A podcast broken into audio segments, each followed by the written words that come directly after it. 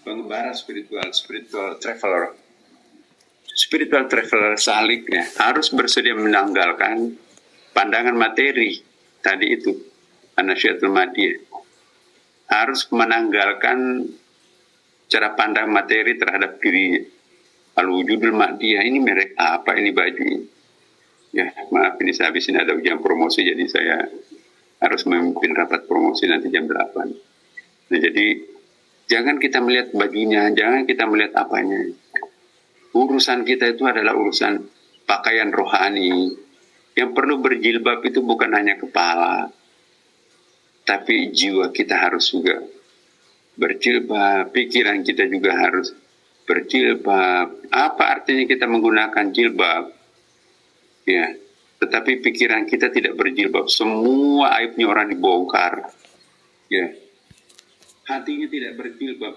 Semua berisi dengan iri hati terhadap orang yang sukses. Hmm. Jadi fisiknya berjilbab, tapi hatinya telanjang, jiwanya telanjang. Padahal Al-Quran mengatakan libasut takwa. Ya, pakaian ketakwaan itu lebih utama itu sebetulnya. Walaupun tidak menafikan pakaian fisik. Jadi sang salik harus bersedia menanggalkan cara pandang materi terhadap dirinya. Lupakan itu branded itu. Beralih ke cara pandang wujud keilahian. Wujudul haqqan. Ya. Ini tidak branded tapi warna putih pakaian ibadah. Ini tidak branded. Ya tetapi lebih longgar dipakai salat. Ini tidak branded, tapi masya Allah enak dipakai duduk lama-lama. Itulah mampir di mall, di toko-toko. Yang paling pertama dicari bukan makanan, bukan showroom, itu pakaian bagus.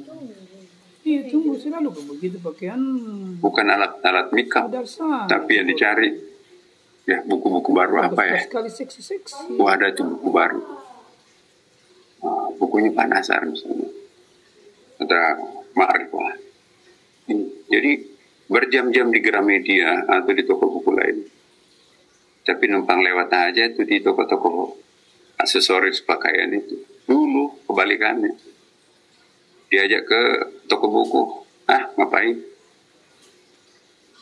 baru lihat judulnya ada udah pusing tuh sekarang enggak enak itu dia tanda-tanda perjalanan sudah argo jalan tuh argonya taksinya menuju Tuhan sudah berjalan kemudian al-wujudul haqqani tadi kan sang sarik harus bersedia menanggalkan cara pandang materi terhadap dirinya al-wujud madiyah beralih ke cara pandang wujud keilahian. Nah ini ada yang disebut dengan al-wujudul haqqani. Kan tadi ada al-haqq, ya.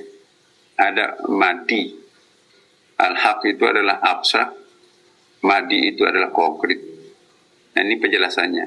Al-wujudul haqqani, ya, divine existence, atau al-wujudul haqqani, sebuah makam spiritual di mana para salik atau spiritual journeyer, ya, spiritual traveler berada di puncak keikhlasan, mukhlas.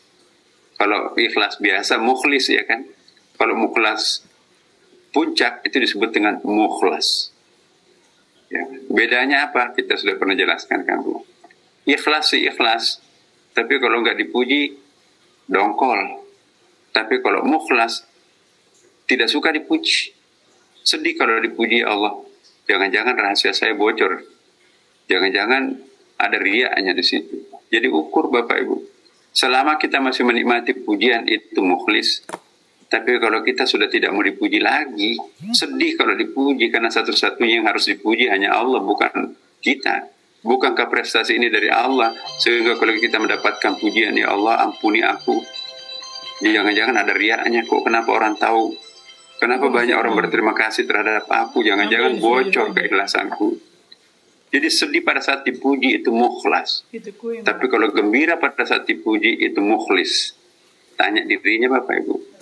sudah sampai ke tingkat mukhlas, tidak lagi menikmati pujian, bahkan sedih pada saat dipuji. Atau kita masih itu kok orang nggak bisa terima kasih ya? Masa dikasih nggak ada terima kasihnya sama sekali. Nah itu mukhlis tuh. Ya. Kalau mukhlas semuanya tanpa nama. Ya. Nah itu. Jadi wujud hakani sebuah makam spiritual di mana para salik berada di puncak keikhlasan atau mukhlas sebagai hamba sehingga tidak ada lagi sifat-sifat egoisme anania dan keakuan ini ya di dalam diri egoisme di dalam tasawuf itu terbagi dua kalau psikologi itu hanya satu ini hebatnya tasawuf lebih mikro sebetulnya jauh lebih dalam tasawuf itu daripada psikologi. Mohon kalau ada psikolog di sini. Psikologi itu masih wilayahnya akal. Tapi kalau tasawuf itu beyond reason. Udah alam metafisik lah sifatnya itu. Walaupun juga psikologi juga kan. Jadi tasawuf atau teosofi itu beyond the reason. Beyond logic itu di menembus batas logika tapi kalau psikologi itu masih psikolog, masih masih reason. Nah, apa perbedaan antara anania dan inia? Kalau anania, egois, tapi eksklusif. Egoisme eksklusif. Ya, seperti menepuk dada, besar mulut, ria, itu namanya uh, egoisme anania. Uh, eks eksklusivisme itu eksklusif betul itu. Egonya yang eksklusif. Tapi kalau ini ya egonya inklusif. Dia tidak tampak ego di luar tetapi hatinya menggerutu. Itu ini ya. Enak kelihatan tersenyum tapi hatinya masih dongkol tuh. Itu ini ya. Padahal Allah kan nggak ada bedanya lahir batin kan. Ya. Jangan hanya kita menipu Tuhan. Lihat loh aku tersenyum Tuhan menerima kenyataan dimaki-maki tapi hatinya awas loh. Itu ini ya itu. Nah kita sudah lulus anania tapi belum tentu kita lulus pada ujian ini termasuk ini itu adalah masih ada sekecil atom di dalam lipatan hati kita itu menikmati pujian orang. Nah ini dia masih ada di dalam lipatan hati kita itu menikmati pujian orang itu ini ya. Berarti ada celah tidak all divine aspek ya kan. Tidak lagi serba Tuhan. Masih ada sumbingnya sedikit lah. Seperti sebuah daun masih copot ujung-ujungnya dimakan ulat itu ini ya. Nah, Bapak Ibu kita diminta untuk meninggalkan anania bahkan juga ini ya kita diminta untuk naik kelas dari mukhlis menjadi mukhlas kita diminta untuk menanggalkan paradigma nasyiatul ma'diyah materialistik kepada spiritual batin itu. Ya. Insya Allah Bapak Ibu bisa kok. Nah, sekarang ia tidak lagi hidup di dalam apa ini? Ia tidak lagi hidup dalam cengkeraman nafsu dan keinginan yang bersifat tabi'i. Apa itu keinginan bersifat tabii? Biologis ya kan? Ada hasrat ini. Jadi di sini ada penjelasannya. Yang dimaksud dengan uh, nafsu tabii ialah nafsu yang didominasi oleh hasrat. Hasratnya ingin naik ke gunung salak tapi udah nggak mampu hasratnya ingin jadi presiden tapi nggak punya suara. Hasratnya ingin uh, menjadi orang kaya. Tapi nggak ada jalannya. Ya selera bukan main. Ingin makan semua. Prasmanan gratis. Mahal di tempat lain ini gratis nafsu. Ini nafsu bukan main. Semua nafsu marah tidak tahan-tahan. Dan keinginan materi dan biologis. Itu yang disebut dengan uh, tabii ya tetapi sudah menembus hijab-hijab awam, sudah melewati awam. Kalau awam itu kan sudah apa eksklusif banget, tapi kalau ini sudah mulai inklusif. apa perbedaan eksklusif dan inklusif? Kalau eksklusif itu demonstratif, dia lemparkan keluar, dia tumpahkan ngamuk dan seterusnya itu eksklusif. Dia pamer segala macam. Tapi kalau inklusif itu kelihatan lembut, kelihatan tersembunyi, tapi hatinya ada gejolak. Itu inklusif. Tapi lumayan kalau inklusif itulah daripada eksklusif. Nah, makam pertama ini tidak ada lagi urusan dengan dosa-dosa dan kemaksiatan, khususnya dosa-dosa besar seperti zina, korupsi, dan selera rendah lainnya. Lewat itu dosa-dosa itu, aborsi, no way. Karena ia sudah lama berpaling dari daya tarik nafsu biologis. Pendorong dosa besar itu kan nafsu biologis. Ingin punya mobil mewah, tapi gajinya terbatas korupsi. Ya. Ingin menikmati sesuatu yang lebih seger, zina. Ya. Dosa-dosa kecil dan besar sudah nggak ada lagi. Itu kalau orang sudah naik di anak tangga pertama ini. Kemudian selanjutnya, kalbunya sudah di kalbu, saya pernah jelaskan kalbu kan tuh. Kalbunya sudah konsisten bermuara pada dauk atau kesucian batin atau fitrah. Lalu kalbunya tidak lagi didominasi oleh daya tarik sudur, nafsu, syahwat, dan duniawi. Saya jelaskan sekali lagi ya. Kalbu itu disebut kalbu karena berotasi, berputar kan Bapak Ibu. Berputar. Kalau jarum jamnya itu nanti menengadah ke atas, berarti kalbu itu menuju kepada dauk. Dauk itu intinya fitrah, nurani, citra positif diri, rohani, spiritual, keluhuran, divine, kesucian. Tapi kalau kalbunya nanti itu kayak uh, apa itu namanya itu kalau permainan kalau gandulnya itu ke bawah itu sudur namanya. Kalau sudur itu orientasi ke perut. Apa isinya perut itu selera di situ. Dan di bawah perut syahwat di situ. Nah kalbu bisa naik, bisa turun, tapi berputar kayak dadu permainan anak-anak itu kan. Oh, ada kan ular tangga kan? Permainan ular tangga itu waktu kita masih kecil. Pas, Nah tangganya sampai ke puncak, alhamdulillah. Itu kalbunya menuju ke anak tangga, naik ke atas loncat ke atas itu namanya menuju ke dauk. Tapi kalau dadunya itu hmm, kena kolom ular tuh turun ke bawah, waduh, aspala sakit ini nih jadinya. Jadi kalbu seperti itu kalau menengah ke atas itu anak tangganya naik ke atas. Tapi kalau kena ularnya kita dibawa turun ke bawah. Nah, jadi kalbu yang sudah konsisten bermuara pada dau kesucian batin fitrah itulah namanya uh, kalbul mutmainnah. Tapi kalau kalbunya menuju ke bawah itu kalbu amarah. Ya, udah mau diservis itu kalbu itu. Kemudian ia sudah meninggalkan selera bumi. Tadi uh, Bu Dokter menyebut dunia terestrial ya. masuk ke wilayah langit atau celestial. Jadi kita jadi manusia langit jadinya, bukan lagi manusia bumi. Kalau masih manusia bumi tercebur kita dalam lumpur dosa maksiat, ria, popularitas, ya kan, bersolek, bukan main tuh. Tapi kalau kita masuk ke wilayah terestrial, wah, itu sudah, uh, celestial itu luar biasa sudah selamat tinggal urusan-urusan dunia.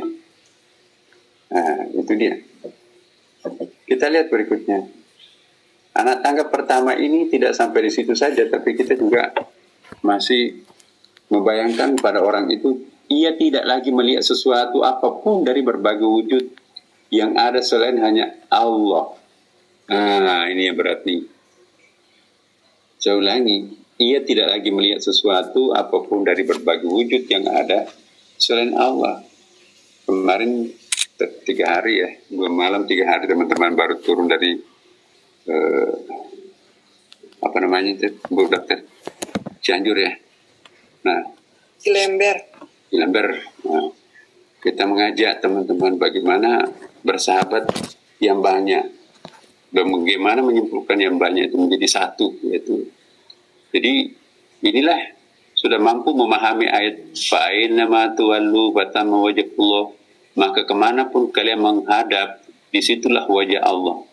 Melihat pohon dia melihat wajah Allah. Ya melihat gunung Panoramah dia melihat wajah Allah. Ya melihat bintang-bintang tengah malam berbaring ya tergeletak di atas lapangan yang luas. Ya ia melihat bintang yang tadinya satu dua biji kemudian seperti bertaburan tak terhitung jumlahnya. Awan-awan menghindar minggir semuanya. Seolah-olah memfasilitasi teman-teman di situ. Ya. Kemudian yang banyak itu siapa? Ternyata yang banyak itu yang satu itu yang satu itu yang banyak itu. Nah itulah yang disebut orang yang menempuh perjalanan spiritual jadi spiritual journey spiritual journeyer apa namanya itu spiritual traveler itulah yang dialami teman-teman ia yakin segala sesuatu itu adalah ekspresi wajahnya penampakannya sebetulnya sehingga wajahnya pun selalu penuh senyum dan keceriaan. Jadi kalau ini wajahnya N-nya besar, wajah Allah ya kan. Kalau ini N-nya kecil, itu wajah kita itu. Jadi ia yakin segala sesuatu adalah ekspresi wajahnya. Pertama wajah Allah tadi kan wajah Allah. Sehingga wajahnya, wajah kita, selalu penuh senyum dan keceriaan. Jadi kalau orang sudah di anak tangga pertama, itu wajahnya selalu senyum, ceria. Kayaknya nggak pernah marah di orang itu bicaranya lembut, santun, terukur, ya. Nah, kayaknya nggak ada sesuatu kata pun yang sia-sia dari mulutnya orang itu. Selalu ada yang baru, kalau nggak baru itu ada stressing point, takit, ya apa namanya, perceptions. Ia tidak lagi menyisahkan sedikit pun benci dan dendam di dalam dirinya. Karena ia sudah sadar terhadap hakikat segala kenyataan itu. Dia tahu bahwa Firaun itu siapa, Nabi Musa itu siapa. Yeah. It's the same. Yeah, dia semuanya kok. Siapa yang tampil dalam bentuk surga neraka? Malaikat Jibril, ya iblis setan. Adakah sesuatu selain dia? Dia semua. Nah, hanya kita nggak nge bagaimana yang banyak ini ya dielaborasi menjadi satu kesatuan. Nah, itulah pekerjaan kita sekarang ini. Bagaimana how to elaborate for many things uh, to uh, uh, the one thing. Jadi uh, manyness to the oneness. Uh, jadi bagaimana kita menghijrah uh, nuhajir ila uh, al-katrah uh, minal minal katrah ila al-wahdah. Jadi kita bertransformasi dari al-katrah, the manyness, menuju ke al-wahdah, yaitu the oneness. Nah, who is the oneness? The oneness ternyata tidak lain adalah the manyness itu sendiri. Ya, sudah pernah kita jelaskan berkali-kali, tapi nggak apa-apa. Ya, karena tasawuf, filosofi memang perlu pengulangan-pengulangan. Nah, teman-teman, terus kita lanjut nih. Cintanya sudah memenuhi seluruh relung-relung jiwanya. Jadi orang yang sudah menjalani spiritual travel, cintanya sudah memenuhi seluruh relung-relung jiwanya. Cintanya kepada siapa? Ini tunggu dulu nih. Itu divine love. Cintanya kepada keilahian. Cinta keilahian itu same love. Same loving itu, same saint itu apa itu? Saint. S-A-I-N-T. Saint. Apa bahasa Indonesia-nya itu? The saint. Kalau kita bahasa Arabnya itu mungkin wali lah. The saint. Pencinta sejati. Prophetic lover. Lover. Jadi the saint lover. The saints. Kalau kita di barat itu ada. The saints. Saint Peterburg. Saint Catherine. Ya, jadi saint itu wali. Kayak kalau misalnya di Indonesia itu mungkin kiai lah. Uh, Jalan Kiai Haji Ahmad Dahlan, Kiai Haji Mas Mansur. Nah kalau kita di barat itu ada ST kan, ST itu artinya saint. Ya, ST ST Catherine. Oh, di tinggalnya di mana? Uh, dulu ada tempat favorit di Montreal itu namanya uh, Saint Catherine.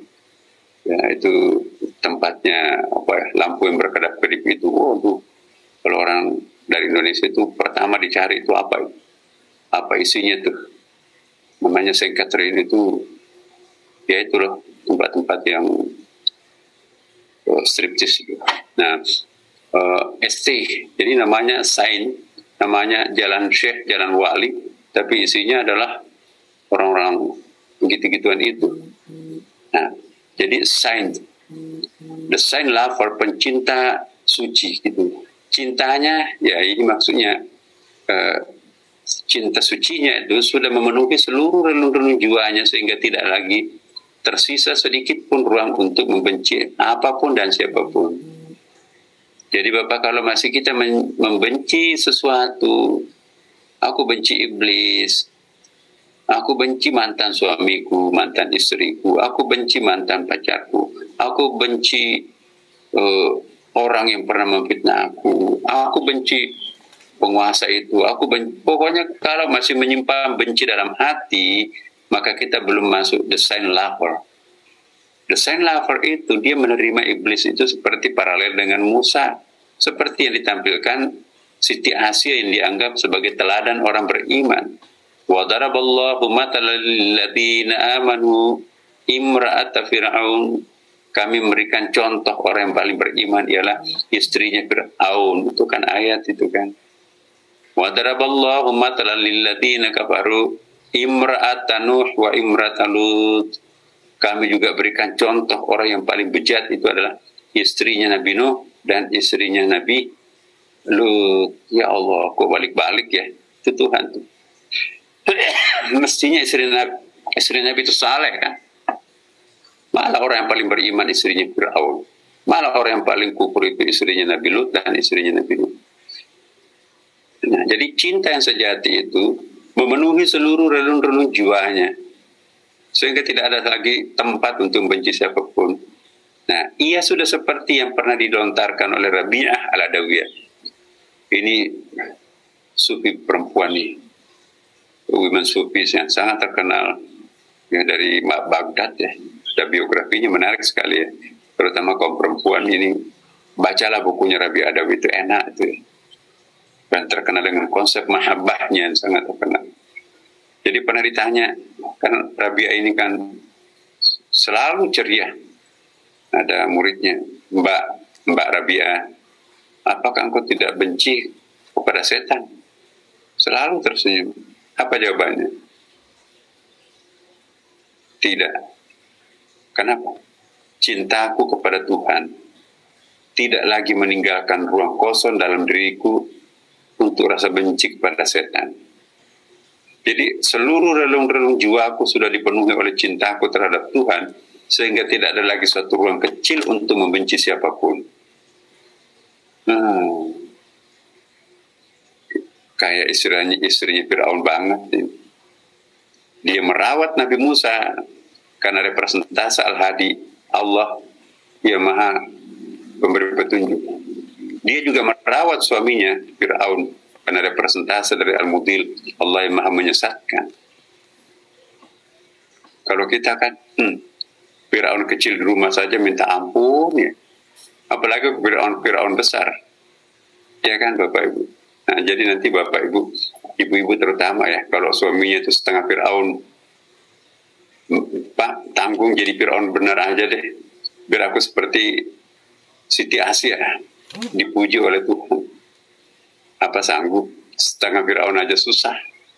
Cerai gugat sekarang 80% perempuan istri menceraikan suami sekarang 80% di pengadilan itu. Nauzubillah. Jadi janganlah. Apalagi sekarang kalau kita bicara tentang perceraian ngeri loh Bapak Ibu.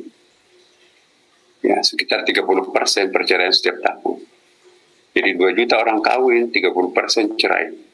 Jangan-jangan anak kita nanti juga seperti itu. Jangan-jangan kita pun juga termasuk di dalamnya. Na'udzubillah. Maka itu hati-hati Bapak Ibu. Harus pelihara cinta ini. Berikut.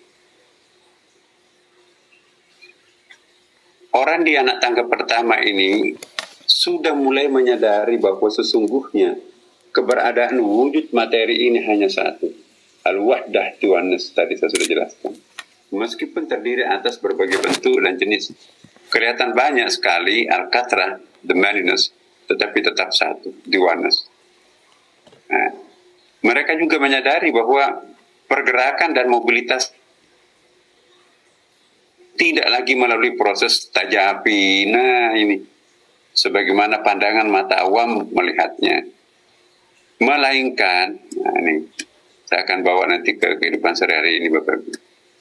Jadi apa maksudnya ini? Sebenarnya mereka juga menyadari bahwa pergerakan dan mobilitas berbagai materi wujud itu tidak lagi melalui proses tajapi sebagaimana pandangan mata awam melihatnya melainkan sudah melihat ada kekuatan tajali pada segala bentuk dan jenis makhluk. Ya. Dan ada artikel kita terdahulu ya sudah kita bahas itu ya. Tapi ya nggak apa-apa saya jelaskan lagi di sini. Jadi gini uh, apa yang dimaksud tajalli tajapi artinya suatu motivasi ya. Dari diri seseorang untuk mengandalkan dirinya sendiri atau propertinya tapi menyebabkan aslinya habis. Bagi uang. Oh akhirnya dompetnya habis kan? Kita nggak kebagian semua nih. Kenapa? Proses penggandaan satu dompet itu kepada banyak orang menikmati isi dompet itu, tapi masih baru separuh. Separuhnya belum dapat, dompet saya sudah habis isinya kan. Kenapa? Karena proses eh, penggandaan itu melalui proses tajafi. Nah, jadi tajafi ialah proses itu menjadi banyak menyebabkan aslinya habis menyebabkan pokoknya habis ya kan seperti ada kue di toples. Yo bagi-bagi itu. Lama kelamaan isi toples itu habis kan itu tajafi. Tapi ada namanya tajali. Teman-teman di sini ada berapa orang 368 orang ini kayaknya konstan ini. Senin Kamis kita 300 sekian orang yang hadir. Nah, saya menggandakan master saya ini ke, ke orang 366 orang. Tapi melalui fotokopi. Pertanyaan saya, apakah masternya fotokopian saya ini nanti di master di sini ini habis karena pembagian itu atau enggak? Ya enggak kan? Masternya penggandanya banyak. Ya, misalnya teman-teman mengkopi apa materi saya di sini sampai seribu orang. Kalau dikalikan dengan YouTube itu berapa itu? Tapi habis nggak tersedot nggak energi di komputer saya ini materi presentasi saya ini setelah digandakan ribuan kali? Tidak kan Bapak Ibu? Tidak sumbing sedikit pun. Itu namanya tajali. Tajali ialah penggandaan dari sesuatu menjadi banyak tanpa menghilangkan, tanpa mengurangi sedikit pun aslinya Sedangkan tajapi itu penggandaan sesuatu dari sesuatu itu menjadi banyak tapi menyebabkan aslinya habis. Tajali itu seperti sumur. Diambil, ditimbah oleh masyarakat. Ya, kayak air zam-zam. Ya, 5 juta ton. Ya, mengalir itu di musim haji tapi nggak pernah sedikit pun kering. Itu tajali. Ah, apa ya? Airnya beredar ke mana-mana seluruh penjuru dunia, tetapi tidak pernah mengurangi sedikit pun debit airnya sumur zam-zam. Itu tajali. Tapi coba air di kolam, kita ambil satu gelas satu gelas, habis tuh disedot, pakai sendok pun juga habis. Kenapa itu tajafi? Nah, ini ada rahasianya Bapak Ibu. Kalau orang menggunakan metode tajali di dalam mengekspresikan diri, rezekinya tidak pernah kering. Ya, bantuan masjid dia nggak pakai hitung-hitungan. Oke, saya bantu. Ada pesantren, oke saya bantu. Ringan sekali tangannya membantu tanpa pernah melihat, wah ini nanti diapakan ya? Jangan-jangan diselewengkan. wah nanti anakku bagaimana nanti makannya nih kalau saya kasih. Udah nggak mau pikir itu. Spontanitas, oke saya bantu sekian, masih ada kok isi dompet. Tapi anak insya Allah akan saya cari. Eh, datang lagi, datang lagi. Kenapa? Karena itu persepsinya tajali. Tapi kalau pakai mikir itu tajapi. Oh enggak, saya akan menyumbang di masjid yang lain. Ini nggak usah lagi nanti nggak nggak makan istri ini, nggak makan anak ini. Ya, datang lagi minta oh nggak bisa saya sudah cukup sekali aja takut kehabisan itu tajafi kalau nggak takut kehabisan itu tajali kita tidak berani membunuh keraguan-raguan orang yang sudah mampu membunuh keraguan-raguan itu masuk ke wilayah tajali tapi kalau dihantui banyak kekhawatiran itu masih tajafi orang yang beriman itu bukan nekat tapi tajali tapi kalau orang yang mikir eh, bukan saja pelit tapi akidahnya juga rusak dia nggak berani menembus dunia metafisik, dunia celestial. Dia hanya terbiasa main di dunia terestrial di bumi. Itu manusia bumi, nggak bisa menjadi manusia langit. Manusia langit itu tajali, manusia bumi itu tajafi, Bapak Ibu. Ada nggak jatuh korban karena tukang sedekah? Saya nggak pernah melihat itu. Memang ada jaminan hadis ya. Semakin banyak kita memberi, maka semakin banyak pula diberi. Ya. Makin banyaklah memberi supaya lebih banyak diberi. Makin pelit memberi, semakin kucuran langitnya pun juga pelit. Ya. Tuhan coba lihat. Apakah bertambahnya alam semesta? Populasi penduduk bertambah sampai sekian miliar binatang pun bertambah sampai sekian miliar. Ya, kelapa sawit semuanya tumbuh. Apakah mengurangi Tuhan? Karena itu kan dari Tuhan semuanya. Kalau tajapi habis dong Tuhan. Menjadi alam. Penduduknya saja sudah berlipat berapa kali itu. Nah, apakah master di fotokopian ini di mesin foto habis dengan mengkopi satu juta kopis? Enggak kan? Itu tajali. Nah ini rumus Bapak Ibu sekalian. Kalau urusan sedekah itu jadilah tajali. Jangan tajapi. Makin pelit kita, makin pelit Tuhan memberi. Coba kita lihat. Orang pelit itu tidak pernah kaya kok. Tapi orang yang pemurah itu, itu justru makin longgar rezekinya. Kita nggak tahu dari mana kok rezekinya itu hampir. Ya itu karena tajali tidak pernah habis tuh rezekinya orang yang terjali. Tapi kalau terjadi sebanyak apa pun juga, hmm, penuh hitung-hitungan memang habis kok. Jadilah uh, me tirulah mekanisme tajali, jangan meniru tajapi pelit dan kahab habis. Alhamdulillah. Sampai di sini dulu Bapak Ibu sekalian. Insya Allah kita jumpa lagi pada hari uh, apa namanya pada pertemuan kita yang akan datang dan insya Allah mudah-mudahan Allah Subhanahu Wa Taala memberkati kita semua. Terima kasih Mbak. Terima kasih Prof. Uh, pagi hari ini guru kita telah menjelaskan mengenai kekhususan safar awal uh, di mana perjalanan pertama ini para salik telah meninggalkan paradigma wujud materi yang kemudian disebut al-haq menuju kepada Allah yang kemudian disebut sebagai al-haq bukti bahwa kita sudah melakukan perjalanan spiritual journey ini adalah kita sudah mengecilkan peran-peran materi dalam hidup.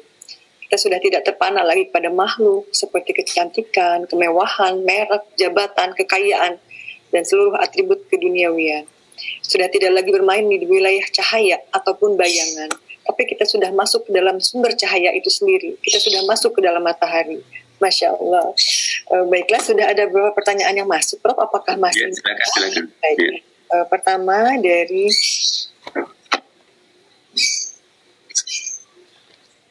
ya,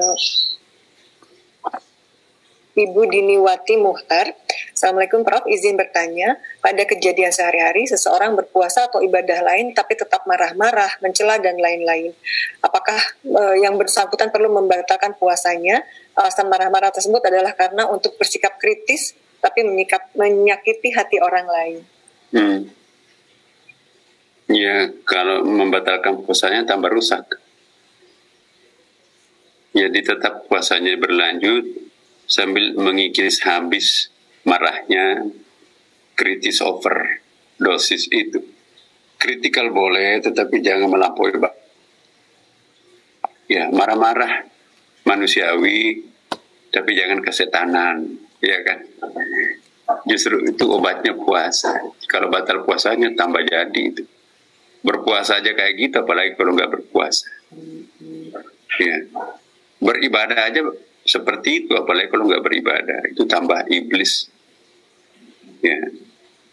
Tapi kalau orang sudah nggak marah-marah lagi tidak kritikal lagi kalau gitu aku nggak bisa sholat lagi deh. Aku kan sudah uh, berhasil. Bukan tujuan kita itu kan bukan untuk memperoleh kesantunan. Tujuan kita itu untuk menyembah kepada Allah kan.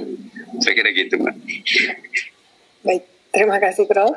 Berikutnya dari Bapak Jumadi Lanta. Assalamualaikum, izin pencerahannya Pak Yai. Apakah rahasia Al-Quran yang dimulai dengan huruf Ba atau Bismillah dan diakhiri dengan huruf Sin, Minal Jinnati wan Nas, merupakan makna hakikat perjalanan seorang salih? Iya. terminal-terminal uh, seperti itu ada. Ya. Itulah bahwa kita ini mobile dan mobilitas kita itu jangan menurun. Kayak teori main ular tangga tadi itu kan kalau ular kan membawa kita turun kan tangga itu membawa kita naik. Jadi kalbu itu berotasi. Ya kalau kalbu kita itu mengarah ke anak tangga naik ke atas tergantung kalau khusyuk tengah malam wah anak tangga itu melampaui sekian nomor kan tujuh langkah itu enam langkah. Tapi kalau mungkin hanya di musalah kecil banyak orang ribut. Itu tidak setengah khusyuk lah. Itu anak tangganya cuma naik dua poin. Bukan enam poin. Sama juga kalau ularnya panjang ke bawah. Itu terjun ke basic itu. Jadi hati itu seperti permainan ular tangga. Maka itu ada doa nabi kan. Ya muqallibal qulub sabit qalbi ala dinika wa ala ya Allah tangguhkanlah kalbu kami apa namanya permanenkanlah pilihan-pilihan kalbu kami itu kepada tangga. Ya, jangan mengarahkan ke ular yang bisa menjebak, menurunkan kita ke bawah. Jadi hati itu seperti ular tangga itulah. Nah, bisa naik ke atas jauh, bisa turun ke bawah sudur. Ya. Tapi juga saya ingatkan kalau sudah sampai mutmainah itu belum tuh. Ya, kan ada orang, oh itu ya nafsul mutmainah irji'il Enggak lah, mutma. Mutma itu juga masih nafsu kan? Ya, ya Tuhan nafsu mutmainah. Karena itu nafsu, maka itu pemilik nafsu mutma itu masih disuruh naik ke atas kan? Ya ya Tuhan nafsu mutmainnah. Wahai pemilik jiwa yang tenang. Hei, kamu belum finish loh. Kamu baru memiliki jiwa yang tenang. Irji'i ila rabbika. Naiklah ke atas Berarti yang dipanggil ke atas itu pemilik jiwa mutmainnah, bukan finish di mutmainnah itu. Finishnya kepada siapa? Ila rabbika kepada Tuhanmu kan. Tuhan itu bukan mutmainnah itu. Tuhan itu pencipta nafsu mutmainnah itu kan. Radiyatan bagaimana cara menjawab itu? Menggapainya itu radiyah. Apakah rida biasa? No. Spesial rida, radiyatan mardiyah. Itu takyidnya, radiyatan mardiyah ridah dengan sepenuh ridah gitu kan. Apakah kalau kita sudah sampai ridah terhadap Tuhan? Sampai? Enggak? Masih disuruh lagi masuk ke dalam. Pada kuli fi ibadi bergabunglah masuklah naiklah ke dalam uh, ruangan para kekasihku yang lain. Fi ibadi. Ibad itu artinya adalah hamba yang sangat maksimum menyembah Allah. Kan ada abidon, ada abidon, ada ibadon, ada abdon. Iya kan? Kalau abidon itu penyembah berhala. Kalau abidon banyak-banyak abidon penyembah berhala tapi sudah penyembah Allah juga. Musyrik namanya kan. Kalau abdon, wah itu sudah bagus tuh. Tapi kalau ibadon itu puncak seorang hamba. Nah itu bahasa Indonesia-nya sama itu hamba. Abidon hamba, abidon hamba, abdon hamba, ibadon hamba. Tapi dua yang pertama itu negatif, dua yang kedua itu adalah positif. Saya ulangi sekali lagi. Kalau Al-Quran mengatakan abidon itu negatif. Maka itu disebutkan wala ana abidun ma'abatun. Kami tidak akan menyembah apa yang kalian sembah. Kenapa? Apa yang disembah lawan dialognya Nabi itu berhala kan? Lata uzza dan manat. Maka itu disebut di situ redaksinya wala ana abidun.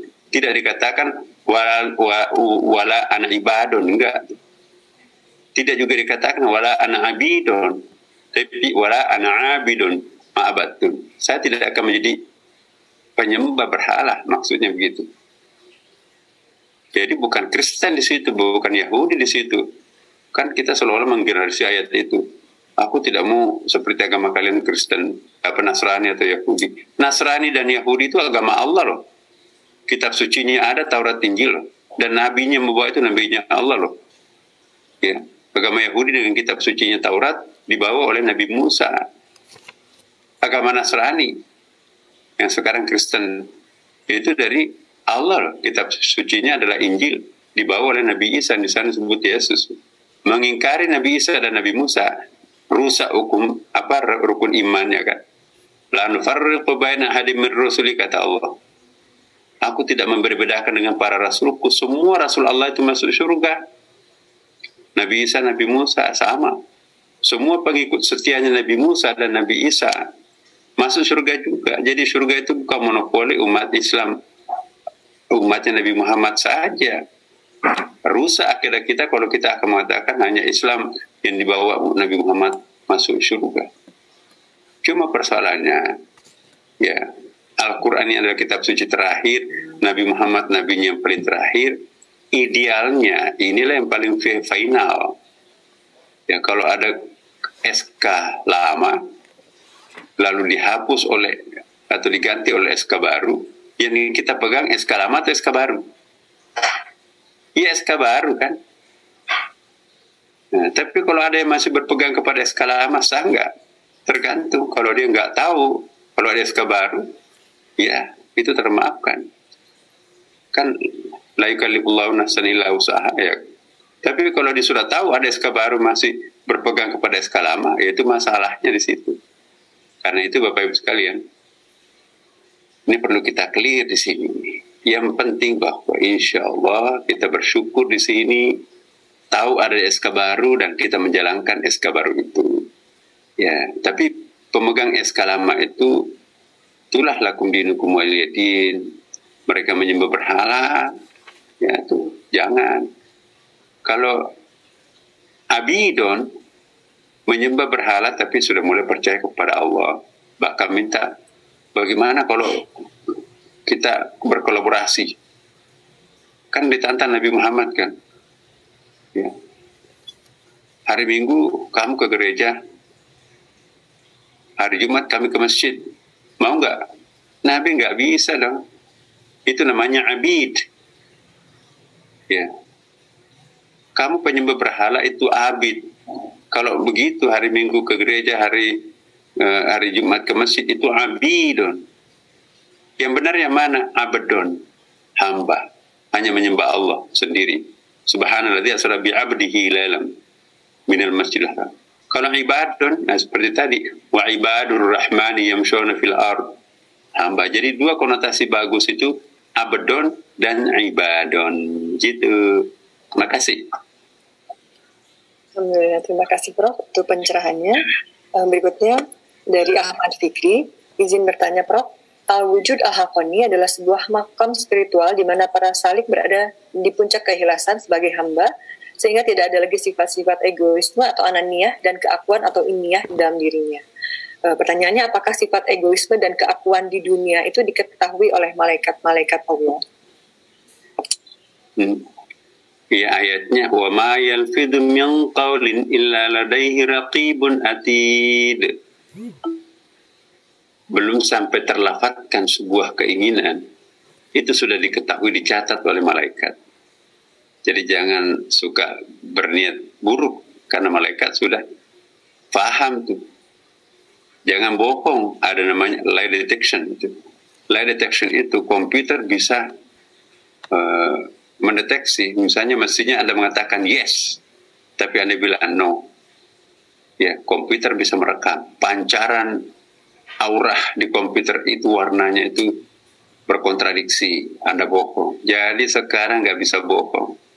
Kalian bisa mengatakan no, tapi begitu komputer mendeteksi uh, peredaran darahnya, memancarkan warna rona lain, komputer hmm, kamu 50% bohongnya, ini warnanya loh ini. Kamu 100% bohong nih. Ya, ini gelap gulita ini. Oh, ini masih abu-abu, 75% kamu bohongnya ini. Tapi ini merah putih ya dalam hal ini bohong kamu, ini yang benar ini. Jadi komputer sekarang sudah bisa mendeteksi siapa yang bohong. Apalagi malaikat ya kan. Ya saya kira gitu. Baik, terima kasih Prof. Masih ada satu lagi Prof yang bertanya. Oh. Dari Ibu Suryaningsih, bertanya Prof, saat ini semakin banyak permintaan sedekah melalui WhatsApp. Jadi informasi yang masuk sifatnya lebih aktif berbeda dengan dahulu, sifatnya informasi ini lebih pasti. Info-info sedekah ini biasanya hanya di tempat-tempat tertentu saja seperti di masjid. Mohon pencerahannya apakah semua permintaan sedekah WhatsApp melalui WhatsApp itu harus kita beri sementara persediaan terbatas. Mohon pencerahannya, Pak. Iya, pertama dari satu sisi kita bersyukur, bersyukur ya, karena anak-anak kunci surga itu bertebaran di mana-mana. Sehingga tidak perlu mencari anak kunci surga itu di masjid, tidak perlu mencari anak kunci surga itu pesantren, tetapi anak kunci itu mengejar kita semuanya. Ambil positifnya. Ya kalau ada kasih, kalau enggak maaf lain kali ya ambil positifnya aja tapi harus kritikal di situ jangan sampai penipu ya. Kalau mau lebih tulus ya decisionnya pada diri anda. Saya kira gitu. Baik terima kasih prof. Pertanyaan ini sudah habis prof. Mungkin sebelum ditutup mohon bimbingan doa dari uh, prof dan seluruh kami oleh seluruh jamaah semua. Uh, ada beberapa permohonan doa prof. Pertama dari Ibu Megaruli, mohon doa untuk putranya eh, Surya Prabowo, semoga diberi hidayah, ditunjukkan pada jalan yang lurus dan benar kembali ke fitrahnya. Amin. Eh, dari Ahmad Fikri, mohon doa untuk para pemain timnas U16 Indonesia yang memulai petualangan di kualifikasi Piala Asia 2023 17 hari ini sampai Minggu 9 Oktober dengan kemenangan dan lolos putaran final. Amin. Uh, untuk teman saya, Gita Chandra Buana, Dia Syifa, Dela Tania, dan Melva Elizabeth, Semoga belajar di kampusnya lancar dan tetap semangat.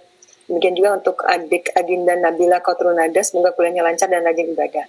Lalu uh, mendoakan para korban wafat tragedi di Stadion Kanjuruhan Malang pada Sabtu 1 Oktober. Semoga uh, diberikan tempat kembali yang indah di sisi Allah, diampuni segala kesalahannya, dan keluarga korban, diberikan ketabahan. Amin. Dari Ibu Mariami, mohon doa untuk Tiana yang terkena luka bakar dan masih dirawat di ICU. Ananda Endah juga masih dirawat di ICU. Semoga Allah mengembalikan kesehatan dan diberi kekuatan untuk menerimanya. Dari Ibu Fufi, uh, Mohon doa untuk Fufi Niatilova binti Aridarto yang sedang diberi nikmat tubuh sedang tidak sehat oleh Allah. Dari Ibu Titi Handayani mohon doanya untuk anak saya dan Yuria para master para mastri dan Dimas Suryo yang sedang menjalankan program kehamilan semoga diberikan ridho Allah dan keberhasilan serta mohon doanya untuk uh, ibunda yang sedang kurang sehat. Oh ya, baik Bapak Ibu sekalian pada semua sahibul hajat tadi itu kita doakan dengan membacakan umum doa surah Al-Fatihah. Uh, termasuk juga Anda anggota keluarga kita yang tidak disebutkan namanya tadi, silakan kita niatkan dalam hati, mudah-mudahan ikut terangkat bersama-sama kita semuanya. Baik, ala ini Al-Fatihah. A'udzu billahi minasyaitonir rajim. Bismillahirrahmanirrahim. Alhamdulillahirabbil alamin, arrahmanir rahim, maliki yaumiddin. إياك نعبد وإياك نستعين اهدنا الصراط المستقيم صراط الذين أنعمت عليهم غير المغضوب عليهم ولا الضالين آمين آمين بسم الله الرحمن الرحيم الحمد لله رب العالمين حمد الشاكرين حمد الناعمين حمد يوافي نعمه ويكافي مزيدا يا ربنا لك الحمد كما ينبغي لجلال وجهك الكريم وعظيم سلطانك اللهم صل وسلم عليك اللهم إنا نستعينك ونستهديك ونستغفرك ونتوب إليك. ونؤمن بك نتوكل عليه ونثني عليك الخير كله ونشكرك ولا نكفره اللهم إياك نعبد ولك نصلي ونسجد وإليك نسعى ونفد نرجو رحمتك ونخشى عذابك. من عذابك جد بالكفار والحق اللهم انصرنا من نصر الدين. اللهم أعز الإسلام والمسلمين. اللهم يا الله ارحمنا يا رحمن الراحمين. يا الله اللهم اجعل اجتماعنا هذا اجتماع مرحوما وتفرقنا بعده تفرقا معصوما ولا تجعل فينا شقيا ولا محكوما اللهم يا الله ارحمنا يا ارحم الراحمين يا الله ربنا اتنا في الدنيا حسنه وفي الاخره حسنه وقنا عذاب النار وصلى الله على سيدنا وحبيبنا وشفيئنا واتباعنا محمد صلى الله عليه وسلم سبحان ربك رب العزه عما يصفون سلام على المرسلين الحمد لله رب العالمين Al-Fatihah. A'udzubillahi minasyaitonir rajim. Bismillahirrahmanirrahim. Alhamdulillahirabbil alamin arrahmanirrahim maliki yaumiddin iyyaka na'budu wa iyyaka nasta'in ihdinas siratal mustaqim. Siratal ladzina an'amta 'alaihim ghairil maghdubi 'alaihim waladdallin. Assalamualaikum warahmatullahi wabarakatuh. Waalaikumsalam warahmatullahi wabarakatuh. Alhamdulillah wasyukurillah. Alhamdulillah bagi.